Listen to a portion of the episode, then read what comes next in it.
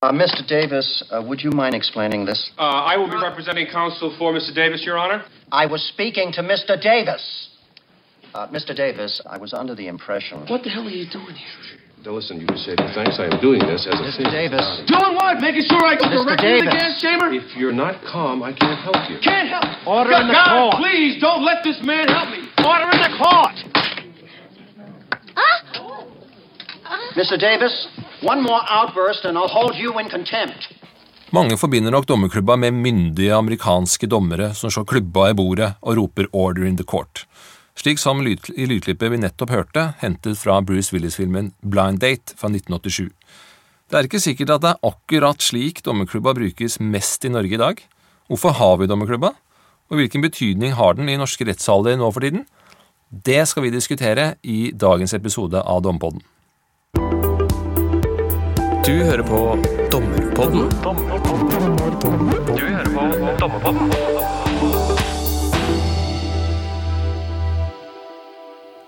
Velkommen til eh, Dommerpodden.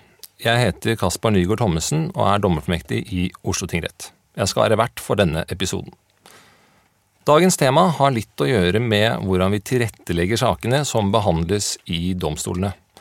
Utformingen av rettssalene og det rituale rettsprosesser ofte følger, er ikke basert på rene tilfeldigheter. Og et av de mest tydelige symbolene på domstolen og rettsstaten er en gjenstand alle dommere har et forhold til, om det så er et nært eller fjernt forhold. Dagens tema ligger i dagen, eller i alle fall i de aller fleste norske rettssaler, nemlig dommerklubba. Og da snakker vi om den dommerklubba man kan slå i bordet med, og ikke den dommerklubben som eventuelt finnes. Om det eksisterer en egen klubb for dommere, så får det bli tema i en annen episode av Dombånd. Som dagens første gjest i studio har vi gleden av å introdusere Lisbeth Fullu Skyberg, sosiolog og forsker på Nordisk institutt for sjøørret i Oslo. Velkommen til deg, Lisbeth. Tusen takk. Kan du eh, si noen ord om hva du driver med? Eh, ja, nå eh, har jeg skrevet ferdig en eh, ph.d.-avhandling om eh, bevisbedømmelse i straffesaker, særlig hva dommere legger vekt på når de vurderer troverdighet. Ehm, og da har jeg for så vidt vært inne på noe av dette med rettens iscenesettelse i forbindelse med eh, at muntlighetsprinsippet jo har den egenskapen at den organiserer møter ansikt til ansikt og åpner for retten for offentligheten. Eh, og da var man jo på 1800-tallet da veldig opptatt av eh, at det ga domstolene mulighet til å kommunisere med folket. Men eh, jeg har jo tidligere vært opptatt av det med rettens iscenesettelse i forbindelse med en hovedoppgave jeg har skrevet, som jeg kalte 'Iscenesatt rettferdighet'. Hva legger du i det? Eh, det er jo et spesielt eh, retts, Rettssalen er et veldig spesielt rom. Det er jo litt sånn som gudstjenesten har sitt kirkerom og sin liturgi, så har jo eh, retten, rettssalen og, og sin prosess. Og hensikten med begge deler er jo å føre oss gjennom en spesiell hendelse på en bestemt måte. Um, og så var jeg litt opptatt av fordi at de eh, på slutten av 90-tallet så fikk vi jo både nyoppført eh, Oslo tinghus, eh, og så fikk vi eh, nyoppusset Høyesterett. Og i forbindelse med nyåpningen av Høyesterett så uttalte høyesterettsdommer Liv Jølstad til Aftenposten at hun mente at Høyesteretts omgivelser dannet en helhet hvor alt synger sammen. Og så tenker jeg på hva, hva synges det da om? Og muligheten for å finne ut av det, den bød seg jo fordi da var jo plan, planløsning, symbolbruk, visuelle uttrykk gjennomtenkt og gjennomgått og gjennomført med en hensikt ganske nylig, som det var mulig å undersøke både hva slags eh, eh, kommunikative aspekter som interiørarkitekten hadde forsøkt å legge ned i salene, og eh, samtidig få innspill fra eh, dommere som hadde vært med i brukergrupper, eller, eh, eller bare jobba med saker, selvfølgelig.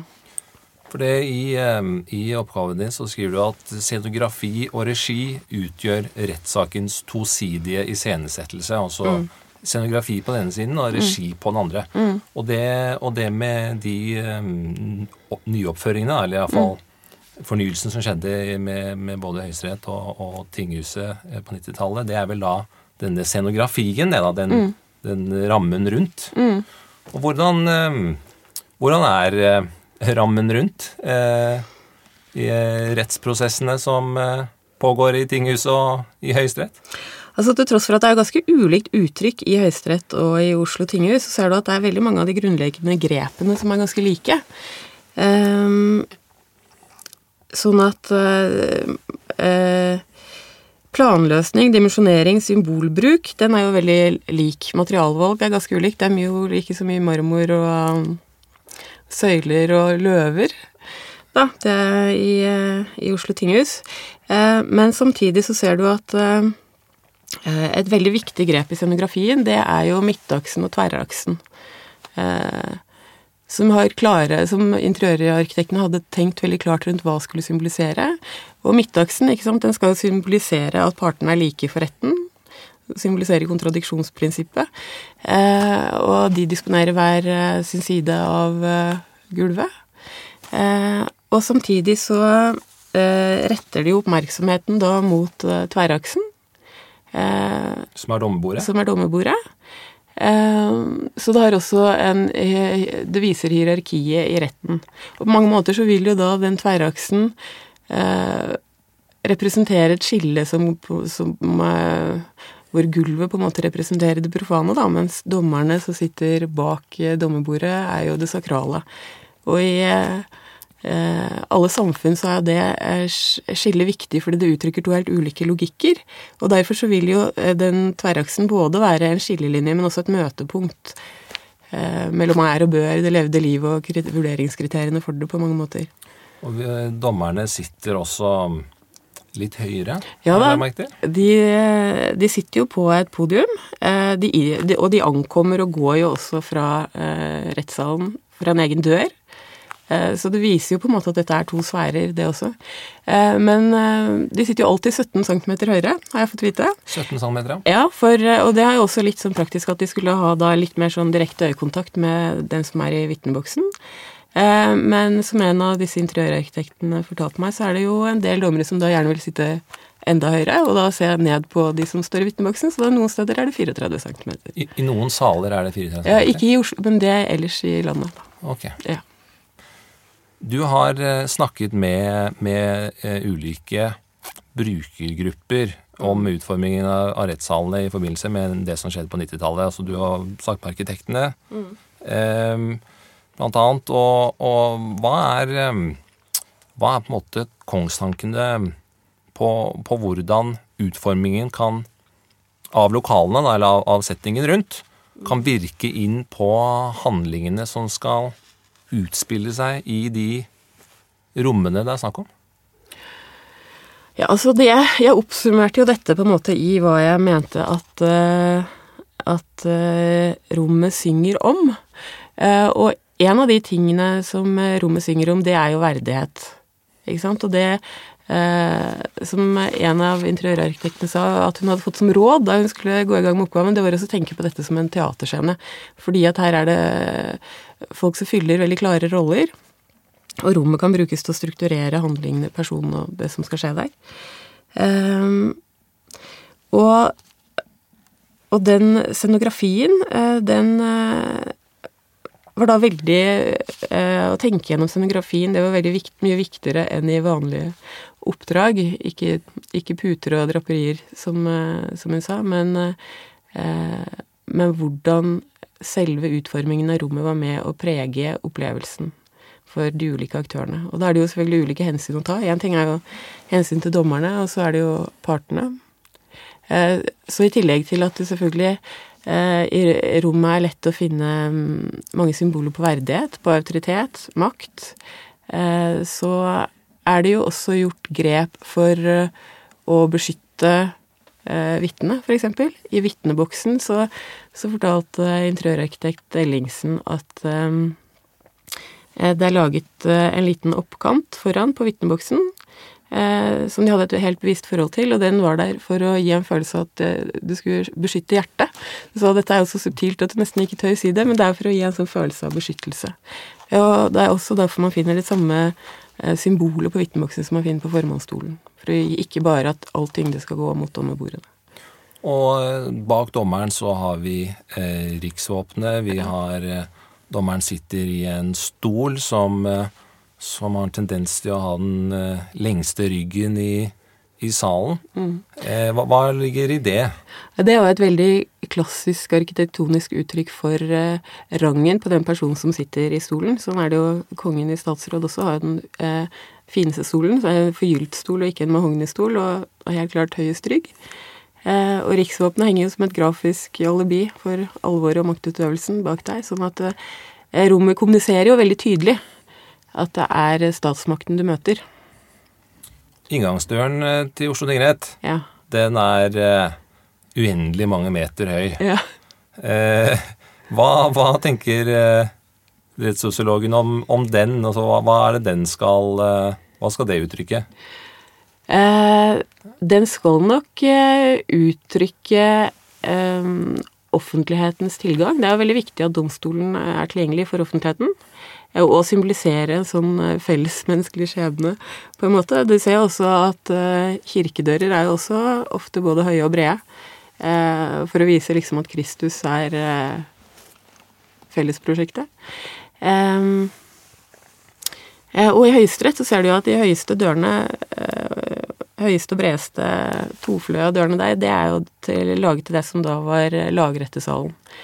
For å symbolisere at eh, både juryen, lekdommerinnslaget i retten, men også offentlighetens tilgang.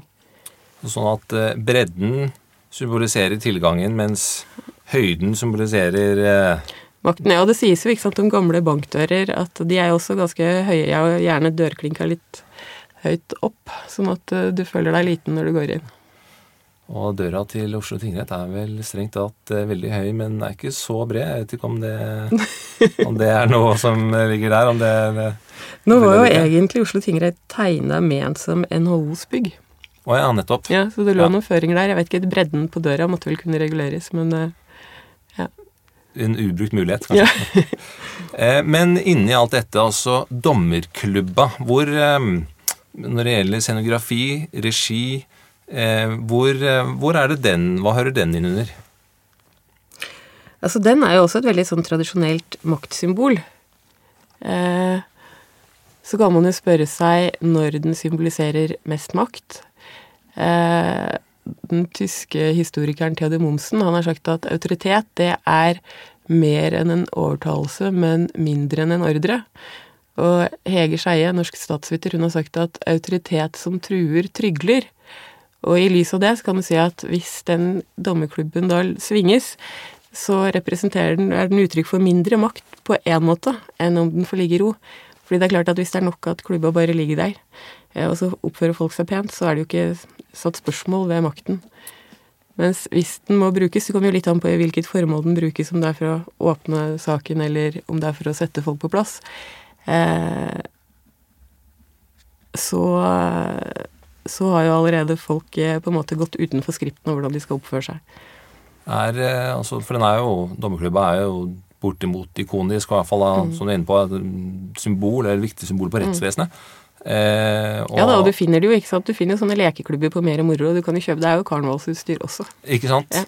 Eh, pakke, I en pakke med kappa, sånn. Eh, for den, eh, den er jo litt sånn som eh, altså Fru Justitia er jo noe som brukes i mange illustrasjoner. Hvis man skal trenger en illustrasjon til et stykke arbeid som har med jus å gjøre, så kommer hun inn, eller den røde lovsamlingen da, er også et billig illustrasjon som ofte brukes.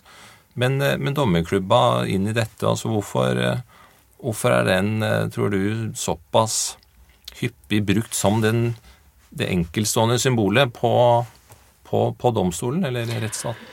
Altså jeg tenker på en måte at den dommerklubba, grunnen til at du får eh, bruke den, og at det har noen effekt at du bruker den, da, eh, det er jo fordi at du rett og slett har hjemmel. Altså det er en eh, symbol, eh, veldig klart symbol for den objektive makten.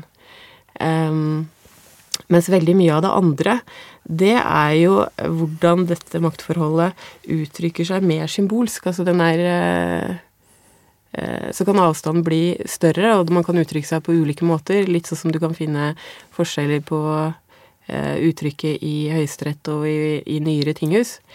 Um, mens klubba er jo veldig den er jo veldig lite subtil, på en måte. La oss gå over til eh, status for dommerklubba eh, per i dag. Og når vi nå beveger oss inn i det temaet, så har vi gleden av å ha en gjest til i studio. Nemlig tingrettsdommer i Oslo tingrett, Åsa Bech. Velkommen til deg, Åsa. Tusen takk skal du ha. Eh, Et eh, første spørsmål som man kan stille seg vedrørende bruken av klubba i dag, er hva det rettssøkende publikum eh, tenker om klubba. For sammen med de andre aktørene i retten er det jo publikum som bokstavelig talt kan kjenne slaget i klubba, og publikum er jo dem den iscenesettelsen av rettferdighet kanskje aller først og fremst skjer for. Eh, og vi i Dompodden vi kjenner ikke til noen eh, undersøkelser som eh, tar for seg folks oppfatning om klubba, men Dommerpoddens egen Ola Berg Lande har vært ute på Egertorget på Karl Johan i Oslo og hørt med folk på gata. Og Det første han har lurt på, er, er hva folk assosierer med dommerklubba. La oss høre på svarene han fikk på, på det spørsmålet. Ja, det er en symbol på myndighet og eh, ordstyrerfunksjon. En lederfunksjon. Nettopp. Jeg Um, syns den er ganske fin. den er ganske fin, jeg er enig. Ja, min assosiasjon er egentlig at det bærer en viss preg av autoritet. da. Eh, Dommer er jo autoritetsperson i, i sin stilling, av natur.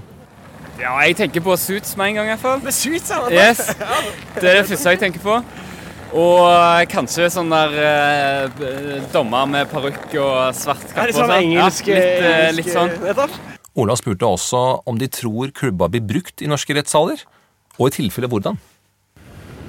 Kanskje for å hysje ned, hvis det er mye støy blant publikum, eller, eller at eh, ja, at det blir bråk, liksom. Som en disiplinerende tiltak, på en måte. ja. Ja. Men jeg tror ikke den brukes så mye ellers. Jeg tror det blir brukt, eh, i hvert fall av begynnelsen av slutten av nettsdag nettets dag, f.eks. Når retten er satt og retten er hevet. Nettopp. Altså som mer sånn seremonielt, da. Ja, det tror jeg. Jeg tror det er noen andre situasjoner det blir brukt, da. Nei, det vet jeg ikke noe om, skal jeg være helt ærlig. Jeg vet ikke, i slutten av en dom. Altså slutten av rettssaken, på en Ja, måte, for å ja. avslutte. ja. Ja. Men jeg ser ganske for meg at det er ikke sånn òg. Eller det er ikke det første jeg hadde tenkt at uh, dere sitter og liksom Hamrer med Ja. At det er kanskje litt jeg vet ikke, utdatert, men det er kanskje ikke det. Hvordan stemmer dette med, med det dere assosierer med klubba? Ja, jeg tenker de kanskje er på ganske rett eh, spor, eh, alle de vi hørte nå. Eh, Dommerklubba blir nok ikke så mye brukt i praksis, og i hvert fall ikke til å hysje ned ved støy.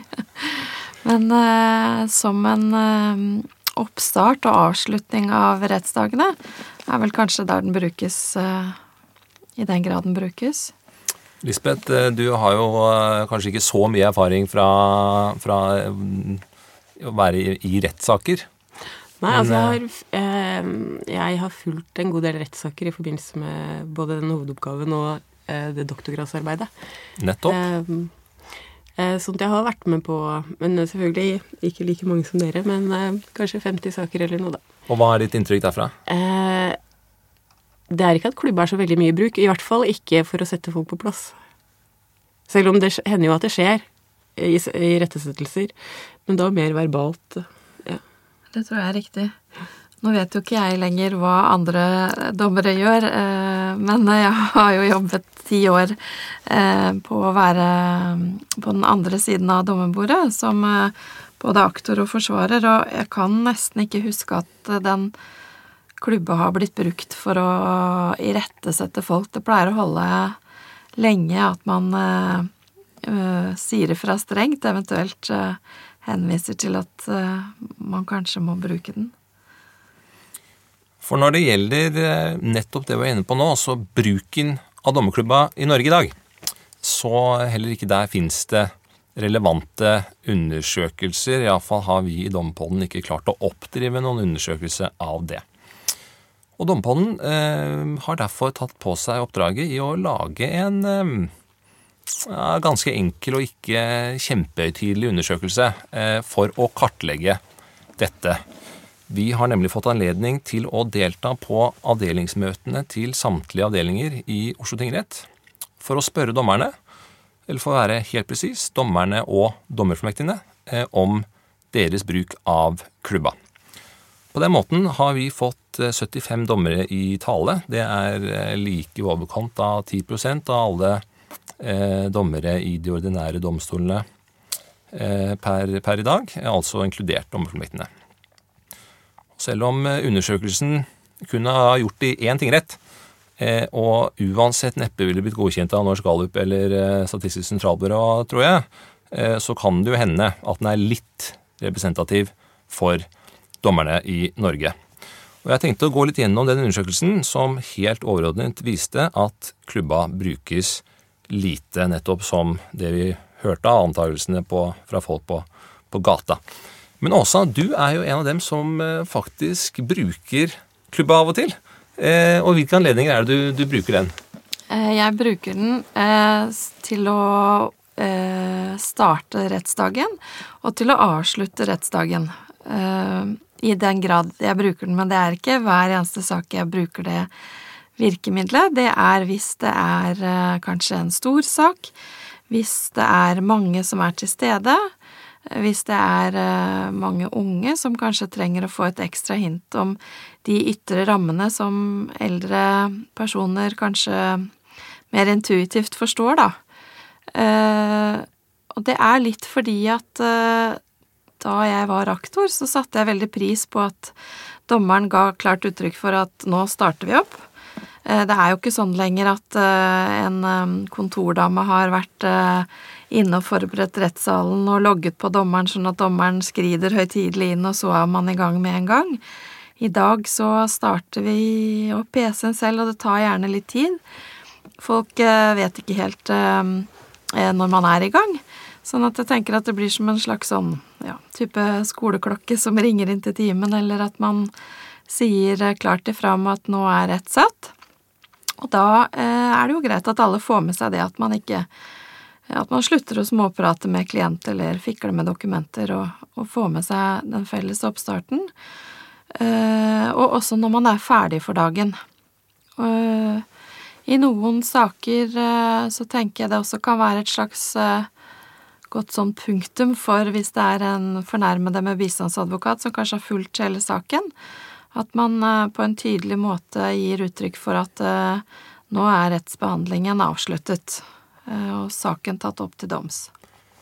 Tror du den, eh, altså for En ting er da det rent praktiske, at for hvis for eksempel er nettopp sånn, du er inne på en stor sak, da, så er det hvor mange kanskje småprater, og så er det greit å vite at nå, nå er vi i gang.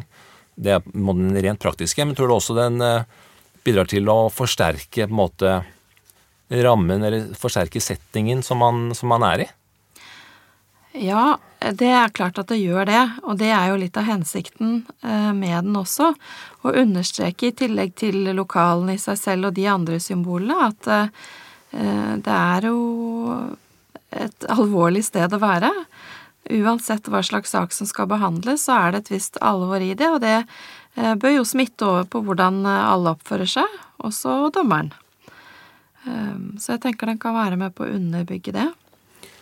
Og det er Bare for å få det spørsmålet av veien også, altså, i og med at det ikke er så mange dommere som bruker eh, klubba jevnlig, eh, altså, fins det et forum for, eh, for dommere som jevnlig bruker klubba? Så en slags eh, dommerklubbeklubb? Nei, det syns jeg man bør starte opp med. Ja, Ja, da, Etterlyser det, altså. nettopp. Da kommer det ut en oppfordring til lytterne her Mm. om, om en dommer, dommerklubbeklubb. Men la oss høre på noen av de andre eksemplene som eh, dukket opp i eh, avdelingsmøtene som vi fikk eh, delta i. En gang på tolv år, og hva var forberedningen da? Eh, en krakilsk siktet i en fengslingssak som jeg måtte prøve å holde styr på. Og så tok jeg da sånn eh, klubben over hodet. Smalt den i, i bordet. I bordet, og ja. da satt alle ti centimeter over stolen, inkludert meg selv, for det var altså så ærlig høyt. Det er den eneste gangen. Den. Jeg ble så skremt at jeg har ikke brukt den siden. Aldri brukt. Men eh, så fant jeg ut at jeg aldri tutet med bil heller, så det er ikke så stor sannsynlighet for at jeg kommer til å bruke tuben. jeg, jeg tror at det er litt eh, en eller annen sammenheng der. Eh, Jeg har vært dommer i ca. fire år. Eh, Eller fire og et halvt år. totalt. Og da har jeg eh, brukt den klubba én gang. Og det var i en sivilsak i forbindelse med at advokatene kom i munnhuggeri med hverandre, og det var umulig å nå frem. Og da syns jeg den var veldig grei å ha. Funka det? Det funka. Da fikk jeg respekt resten av Disse eksemplene her, eh, gir de resonans eh, også? Jeg kan jo kjenne meg godt igjen i det, og kanskje særlig dette eh, med hvor hardt man slår. Og jeg tenker at alle dommere de bør tørrtrene før de går i en rettssal første gang. Det burde i hvert fall jeg gjort. Eh, For i mitt første fengslingsmøte som domfullmektig så eh, smalt jeg klubba ned når jeg skulle sette rett, og da hoppa forsvareren i stolen. og siden det har alltid vært litt flau når det er henne som eh, er i retten. Jeg håper hun har glemt meg. Men når du da av og til hever og setter rett med klubba, er det da eh, altså, Du fikk jo høre at det var noen som hadde tatt klubba bak hodet og slått i bordet. Eh, er det, har du da med litt erfaring funnet ut liksom hvor riktig høyde? riktig riktig ja, kraft? altså det bør ikke være veldig langt ifra bordet. Litt lett knekk i håndleddet, eh, så funker det bra. Eh, Men jeg har jo også vært med på at jeg har klubbet og hevet rett. Eh, Og så har eh, forsvarer spurt om retten er hevet, så kanskje, kanskje jeg nå har blitt eh, for soft i klubbingen. Altså, det er jo er ikke det livet et nøtteskall? da? Altså finne den rette balansegang i det man driver med? Jo, det er ikke alltid like lett. Den sammenligningen mellom tuting i trafikken og bruk av klubba, kan det, kan det være noe der? I hvert fall tenkte jeg at det er mulig at jeg hadde brukt klubba. Å ja, hvorfor det, Lisbeth? Nei, jeg har, det har hendt at jeg har tuta i trafikken. Riktig. Ja. Og så tuter du i trafikken, altså det må jo nesten bare få ryddet av veien, det også. Ja, altså jeg har tuta i trafikken da jeg var høygravid, men utover det så Så da tenker jeg at det ikke var helt tilregnelig. Jobbet du i domstolen da? Nei, da jobbet jeg ikke i domstolen. Men jeg tror at uh, hvis man uh, bruker klubba fordi man er hissig, uh, så er det ikke bra. Da er det ikke god dommeratferd. Da nettopp da er det en presumpsjon for det. Det, det kan jeg, det lett bli, i hvert fall. Ja. Den ene som vi hørte, eh, var inne på det med at klubba leder til respekt utover rettssaken. Er det Er det noe som eh, ligger litt i, i klubbas funksjon, eh, som man kan forvente? Altså fra det, som, det den er der for? Da? Eh, rettens autoritet? Ja, det tror, det, er, det tror jeg helt sikkert, og det tror jeg mange av eh, symbolene gjør. Det gjør vel også eh, dommerkappen. Eh, og når jeg intervjuet dommere om hvordan de oppfatta mm, rommets betydning, eller symbolenes betydning, så er det noe av det som dette er det jo ikke gjort så veldig mye arbeid på. Eh, og en del dommere sa at eh, dette er det gjort litt på, dette tar ikke jurister så veldig alvorlig. Eh, det er ikke helt riktig, da, for man var veldig opptatt av det på 1800-tallet i hvert fall. Eh, og så viste det seg jo når man snakker om det, at veldig mange eh, syns at rommet fungerer veldig praktisk. Og at det utstråler mye autoritet, og det blir jo gjerne to sider av samme sak. Men da var det en eh, relativt eh, ung kvinnelig dommer som jeg snakket med, som sa at eh, eh, hun kunne tre følte at hun kunne trenge litt hjelp for å bli dommer, fordi det å være dommer er jo også å oppfattes som dommer. Eh, sånn at hun merka forskjell eh, når da symbolen ikke var der, f.eks. på befaringssaker. Eh, sånn at hvis det var en eh, en skogbrukskonflikt, f.eks., eh, og hun plutselig sto som en ung kvinnelig akademiker i skogen med masse sånne rutete, eh, skjortekledde mm, tømmerhoggere, så var jo hennes uh, autoritet i situasjonen mindre enn den var i retten. Som hun følte på? Som hun følte på, ja. Jeg kan nok kjenne meg igjen i det, tenker jeg. Mm. At eh, hele på en måte eh, settingen gjør at man blir hørt på mer, og kanskje særlig som eh, ganske ung kvinne, da. Så er det Har du ikke nødvendigvis mye autoritet i deg selv, og tenker mange som er domfullmektige, de er ikke fylt 30 år ennå engang. Mm. Eh, Sånn at disse ytre symbolene kan hjelpe de litt inn i rollen. La oss gå inn på, eh, nærmere inn på den undersøkelsen som Dommepodden har gjort. Eh, og den undersøkelsen er gjort eh, ved hjelp av å se på bruken av klubba på to måter. eller de to ulike handlingene da, som man kan grovskissere eh, dem i. Eh, det er da Den ene er den faste handlingen som skjer i tilknytning til ritualer som er en del av enhver hovedhandling, nemlig det å heve oss etter rett, akkurat som, som du av og til eh, gjør også. Eh, det er den ene. Og den andre er det mer situasjonsbestemte, eller ja, eventuelt impulsive handlingen. Altså det som ikke er en del av det faste ritualet. Det er mer de, kall det utbruddene, da, eller de, eh, de som du neppe planlegger, da. Og når det gjelder det første, altså da heve oss etter rett, så er det blant de 75 respondentene eh, ingen som bruker klubba på fast basis til å heve oss etter rett. Noen gjør det av og til, eh, akkurat som deg også. Eh, eh, eksempel har det blitt nevnt, som du også nevnte nå, dette med store saker eh, med mange personer involvert, eller det er en spesiell Eller det er, eller det er en det er medier involvert, har det vært, eh, vært et moment der. Eh, sånn at det av og til Det er flere som av og til bruker den til å heve oss etter rett. Noen av dommerne gjorde det på fast basis tidligere. Dette gjelder da dommere med lang erfaring, men de har altså sluttet med å gjøre det på fast basis. Og så er det noen helt få av respondentene som meldte om bruk av blyant til å heve og sette rett, altså et lite kakk. Eh, og Åsa, hva, hva tenker du om det, varianten? Det blir kanskje ikke like effektfullt, eller? Da, Dette blir jo veldig personlig, men da tenker jeg at da må man heller la det være. Eh, fordi at eh, man må jo, hvis man først er blitt dommer, så er man det eh, fullt og helt. Eh, og da prøve å ufarliggjøre sin egen rolle, men allikevel ville ha det liksom litt med blyant.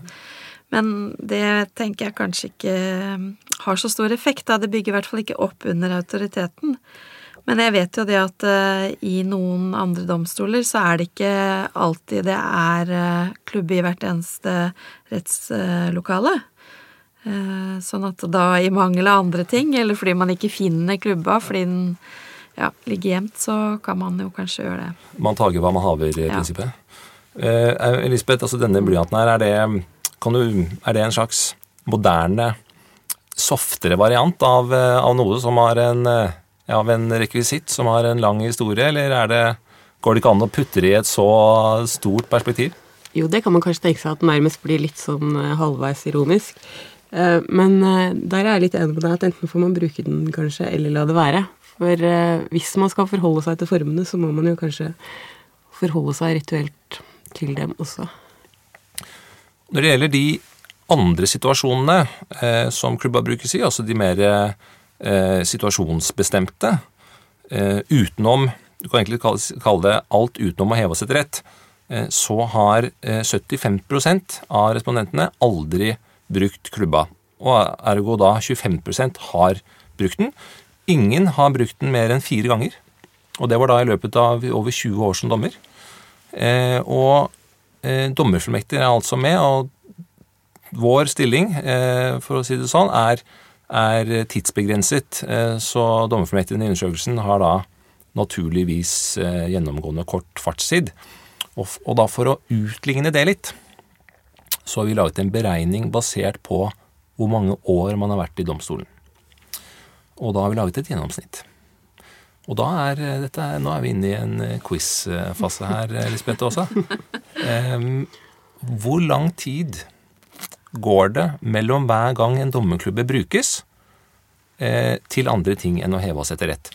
Og før dere svarer, skal jeg da forklare beregningen.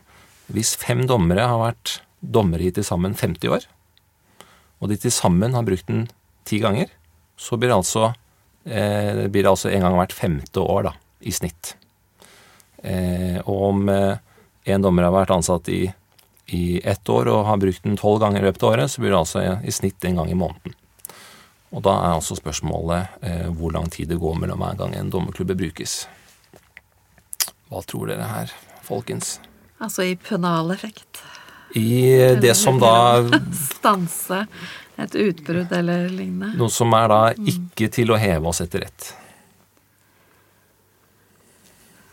Jeg ville jo kanskje tippet eh, hvert fjerde til sjette år, kanskje. Hvert fjerde til sjette ja. år, ja. Lisbeth, hva, hva, tror du? I snitt i snitt. for alle dommere. Alle de 75. Da tror jeg kanskje det er enda litt lenger. Hva tror du?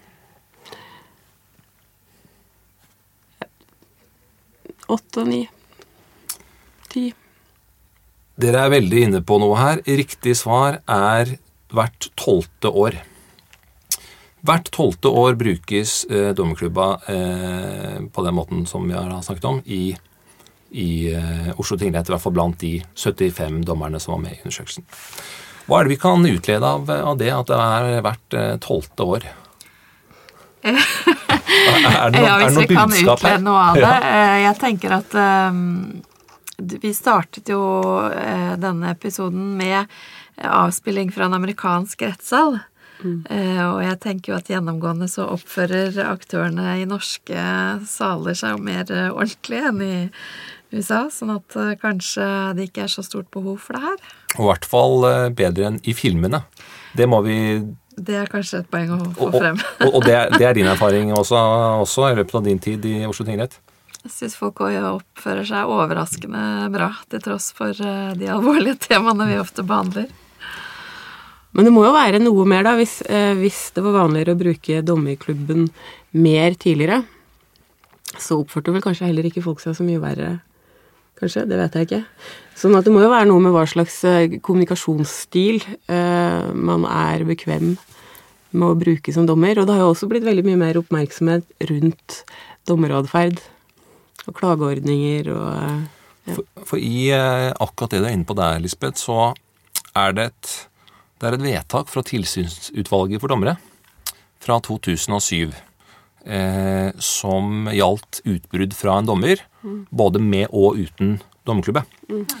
Eh, og i, den, eh, i det vedtaket så uttaler utvalget at eh, den moderne dommerrolle handler ikke først og fremst om å kreve respekt eller å sette seg i respekt, men om å vise respekt for de mennesker domstolen betjener. Dette er jo store og, og fine ord, men er, jeg vet ikke om det er, er det noe av det du er inne på, Lisbeth? Altså hvilken, hvilken eh, atferd som skal man si, det kan man si forventes av, av dommerne i dag, kontra hvordan det var tidligere? Det, det tror jeg jo. Eh, og i tillegg så er det vel også blitt mer oppmerksomhet rundt at eh, det å ha en god stemning i retten faktisk også gjør forklaringene bedre, da, så at eh, det har en epistemologisk effekt å faktisk få folk til å slappe av eh, i retten. Ja. Altså, jeg tenker jo at eh, noen av de dommerne som jeg traff på starten av min politifullmektige karriere, i et, et helt annet sted enn en, eh, er her enn i dag, eh, de hadde en eh, væremåte i retten som jeg tenker eh, ikke ville blitt godtatt i dag, da. Og jeg er jo ikke så gammel, men gammel nok. Hva er, eh, hva er handlingsrommet i dag egentlig for, eh, for klubba? Hva, når er det, er det greit? Jeg tenker det er først og fremst til å heve oss et uh, rett. Som et eh, slags mer sånn eh, start- og sluttpunkt. Er den i ferd med å gå ut på dato? Nei, det syns jeg ikke. Nei? Ut fra det som jeg har nevnt tidligere, at eh, det er greit at man vet tydelig eh, rammene i eh, en rettssak, og det er den med på å underbygge. Men også bare den eh, vissheten hos partenes eh, om at eh, man kan risikere å bli klubbet dersom man ikke oppfører seg, kan jo ha kanskje en effekt.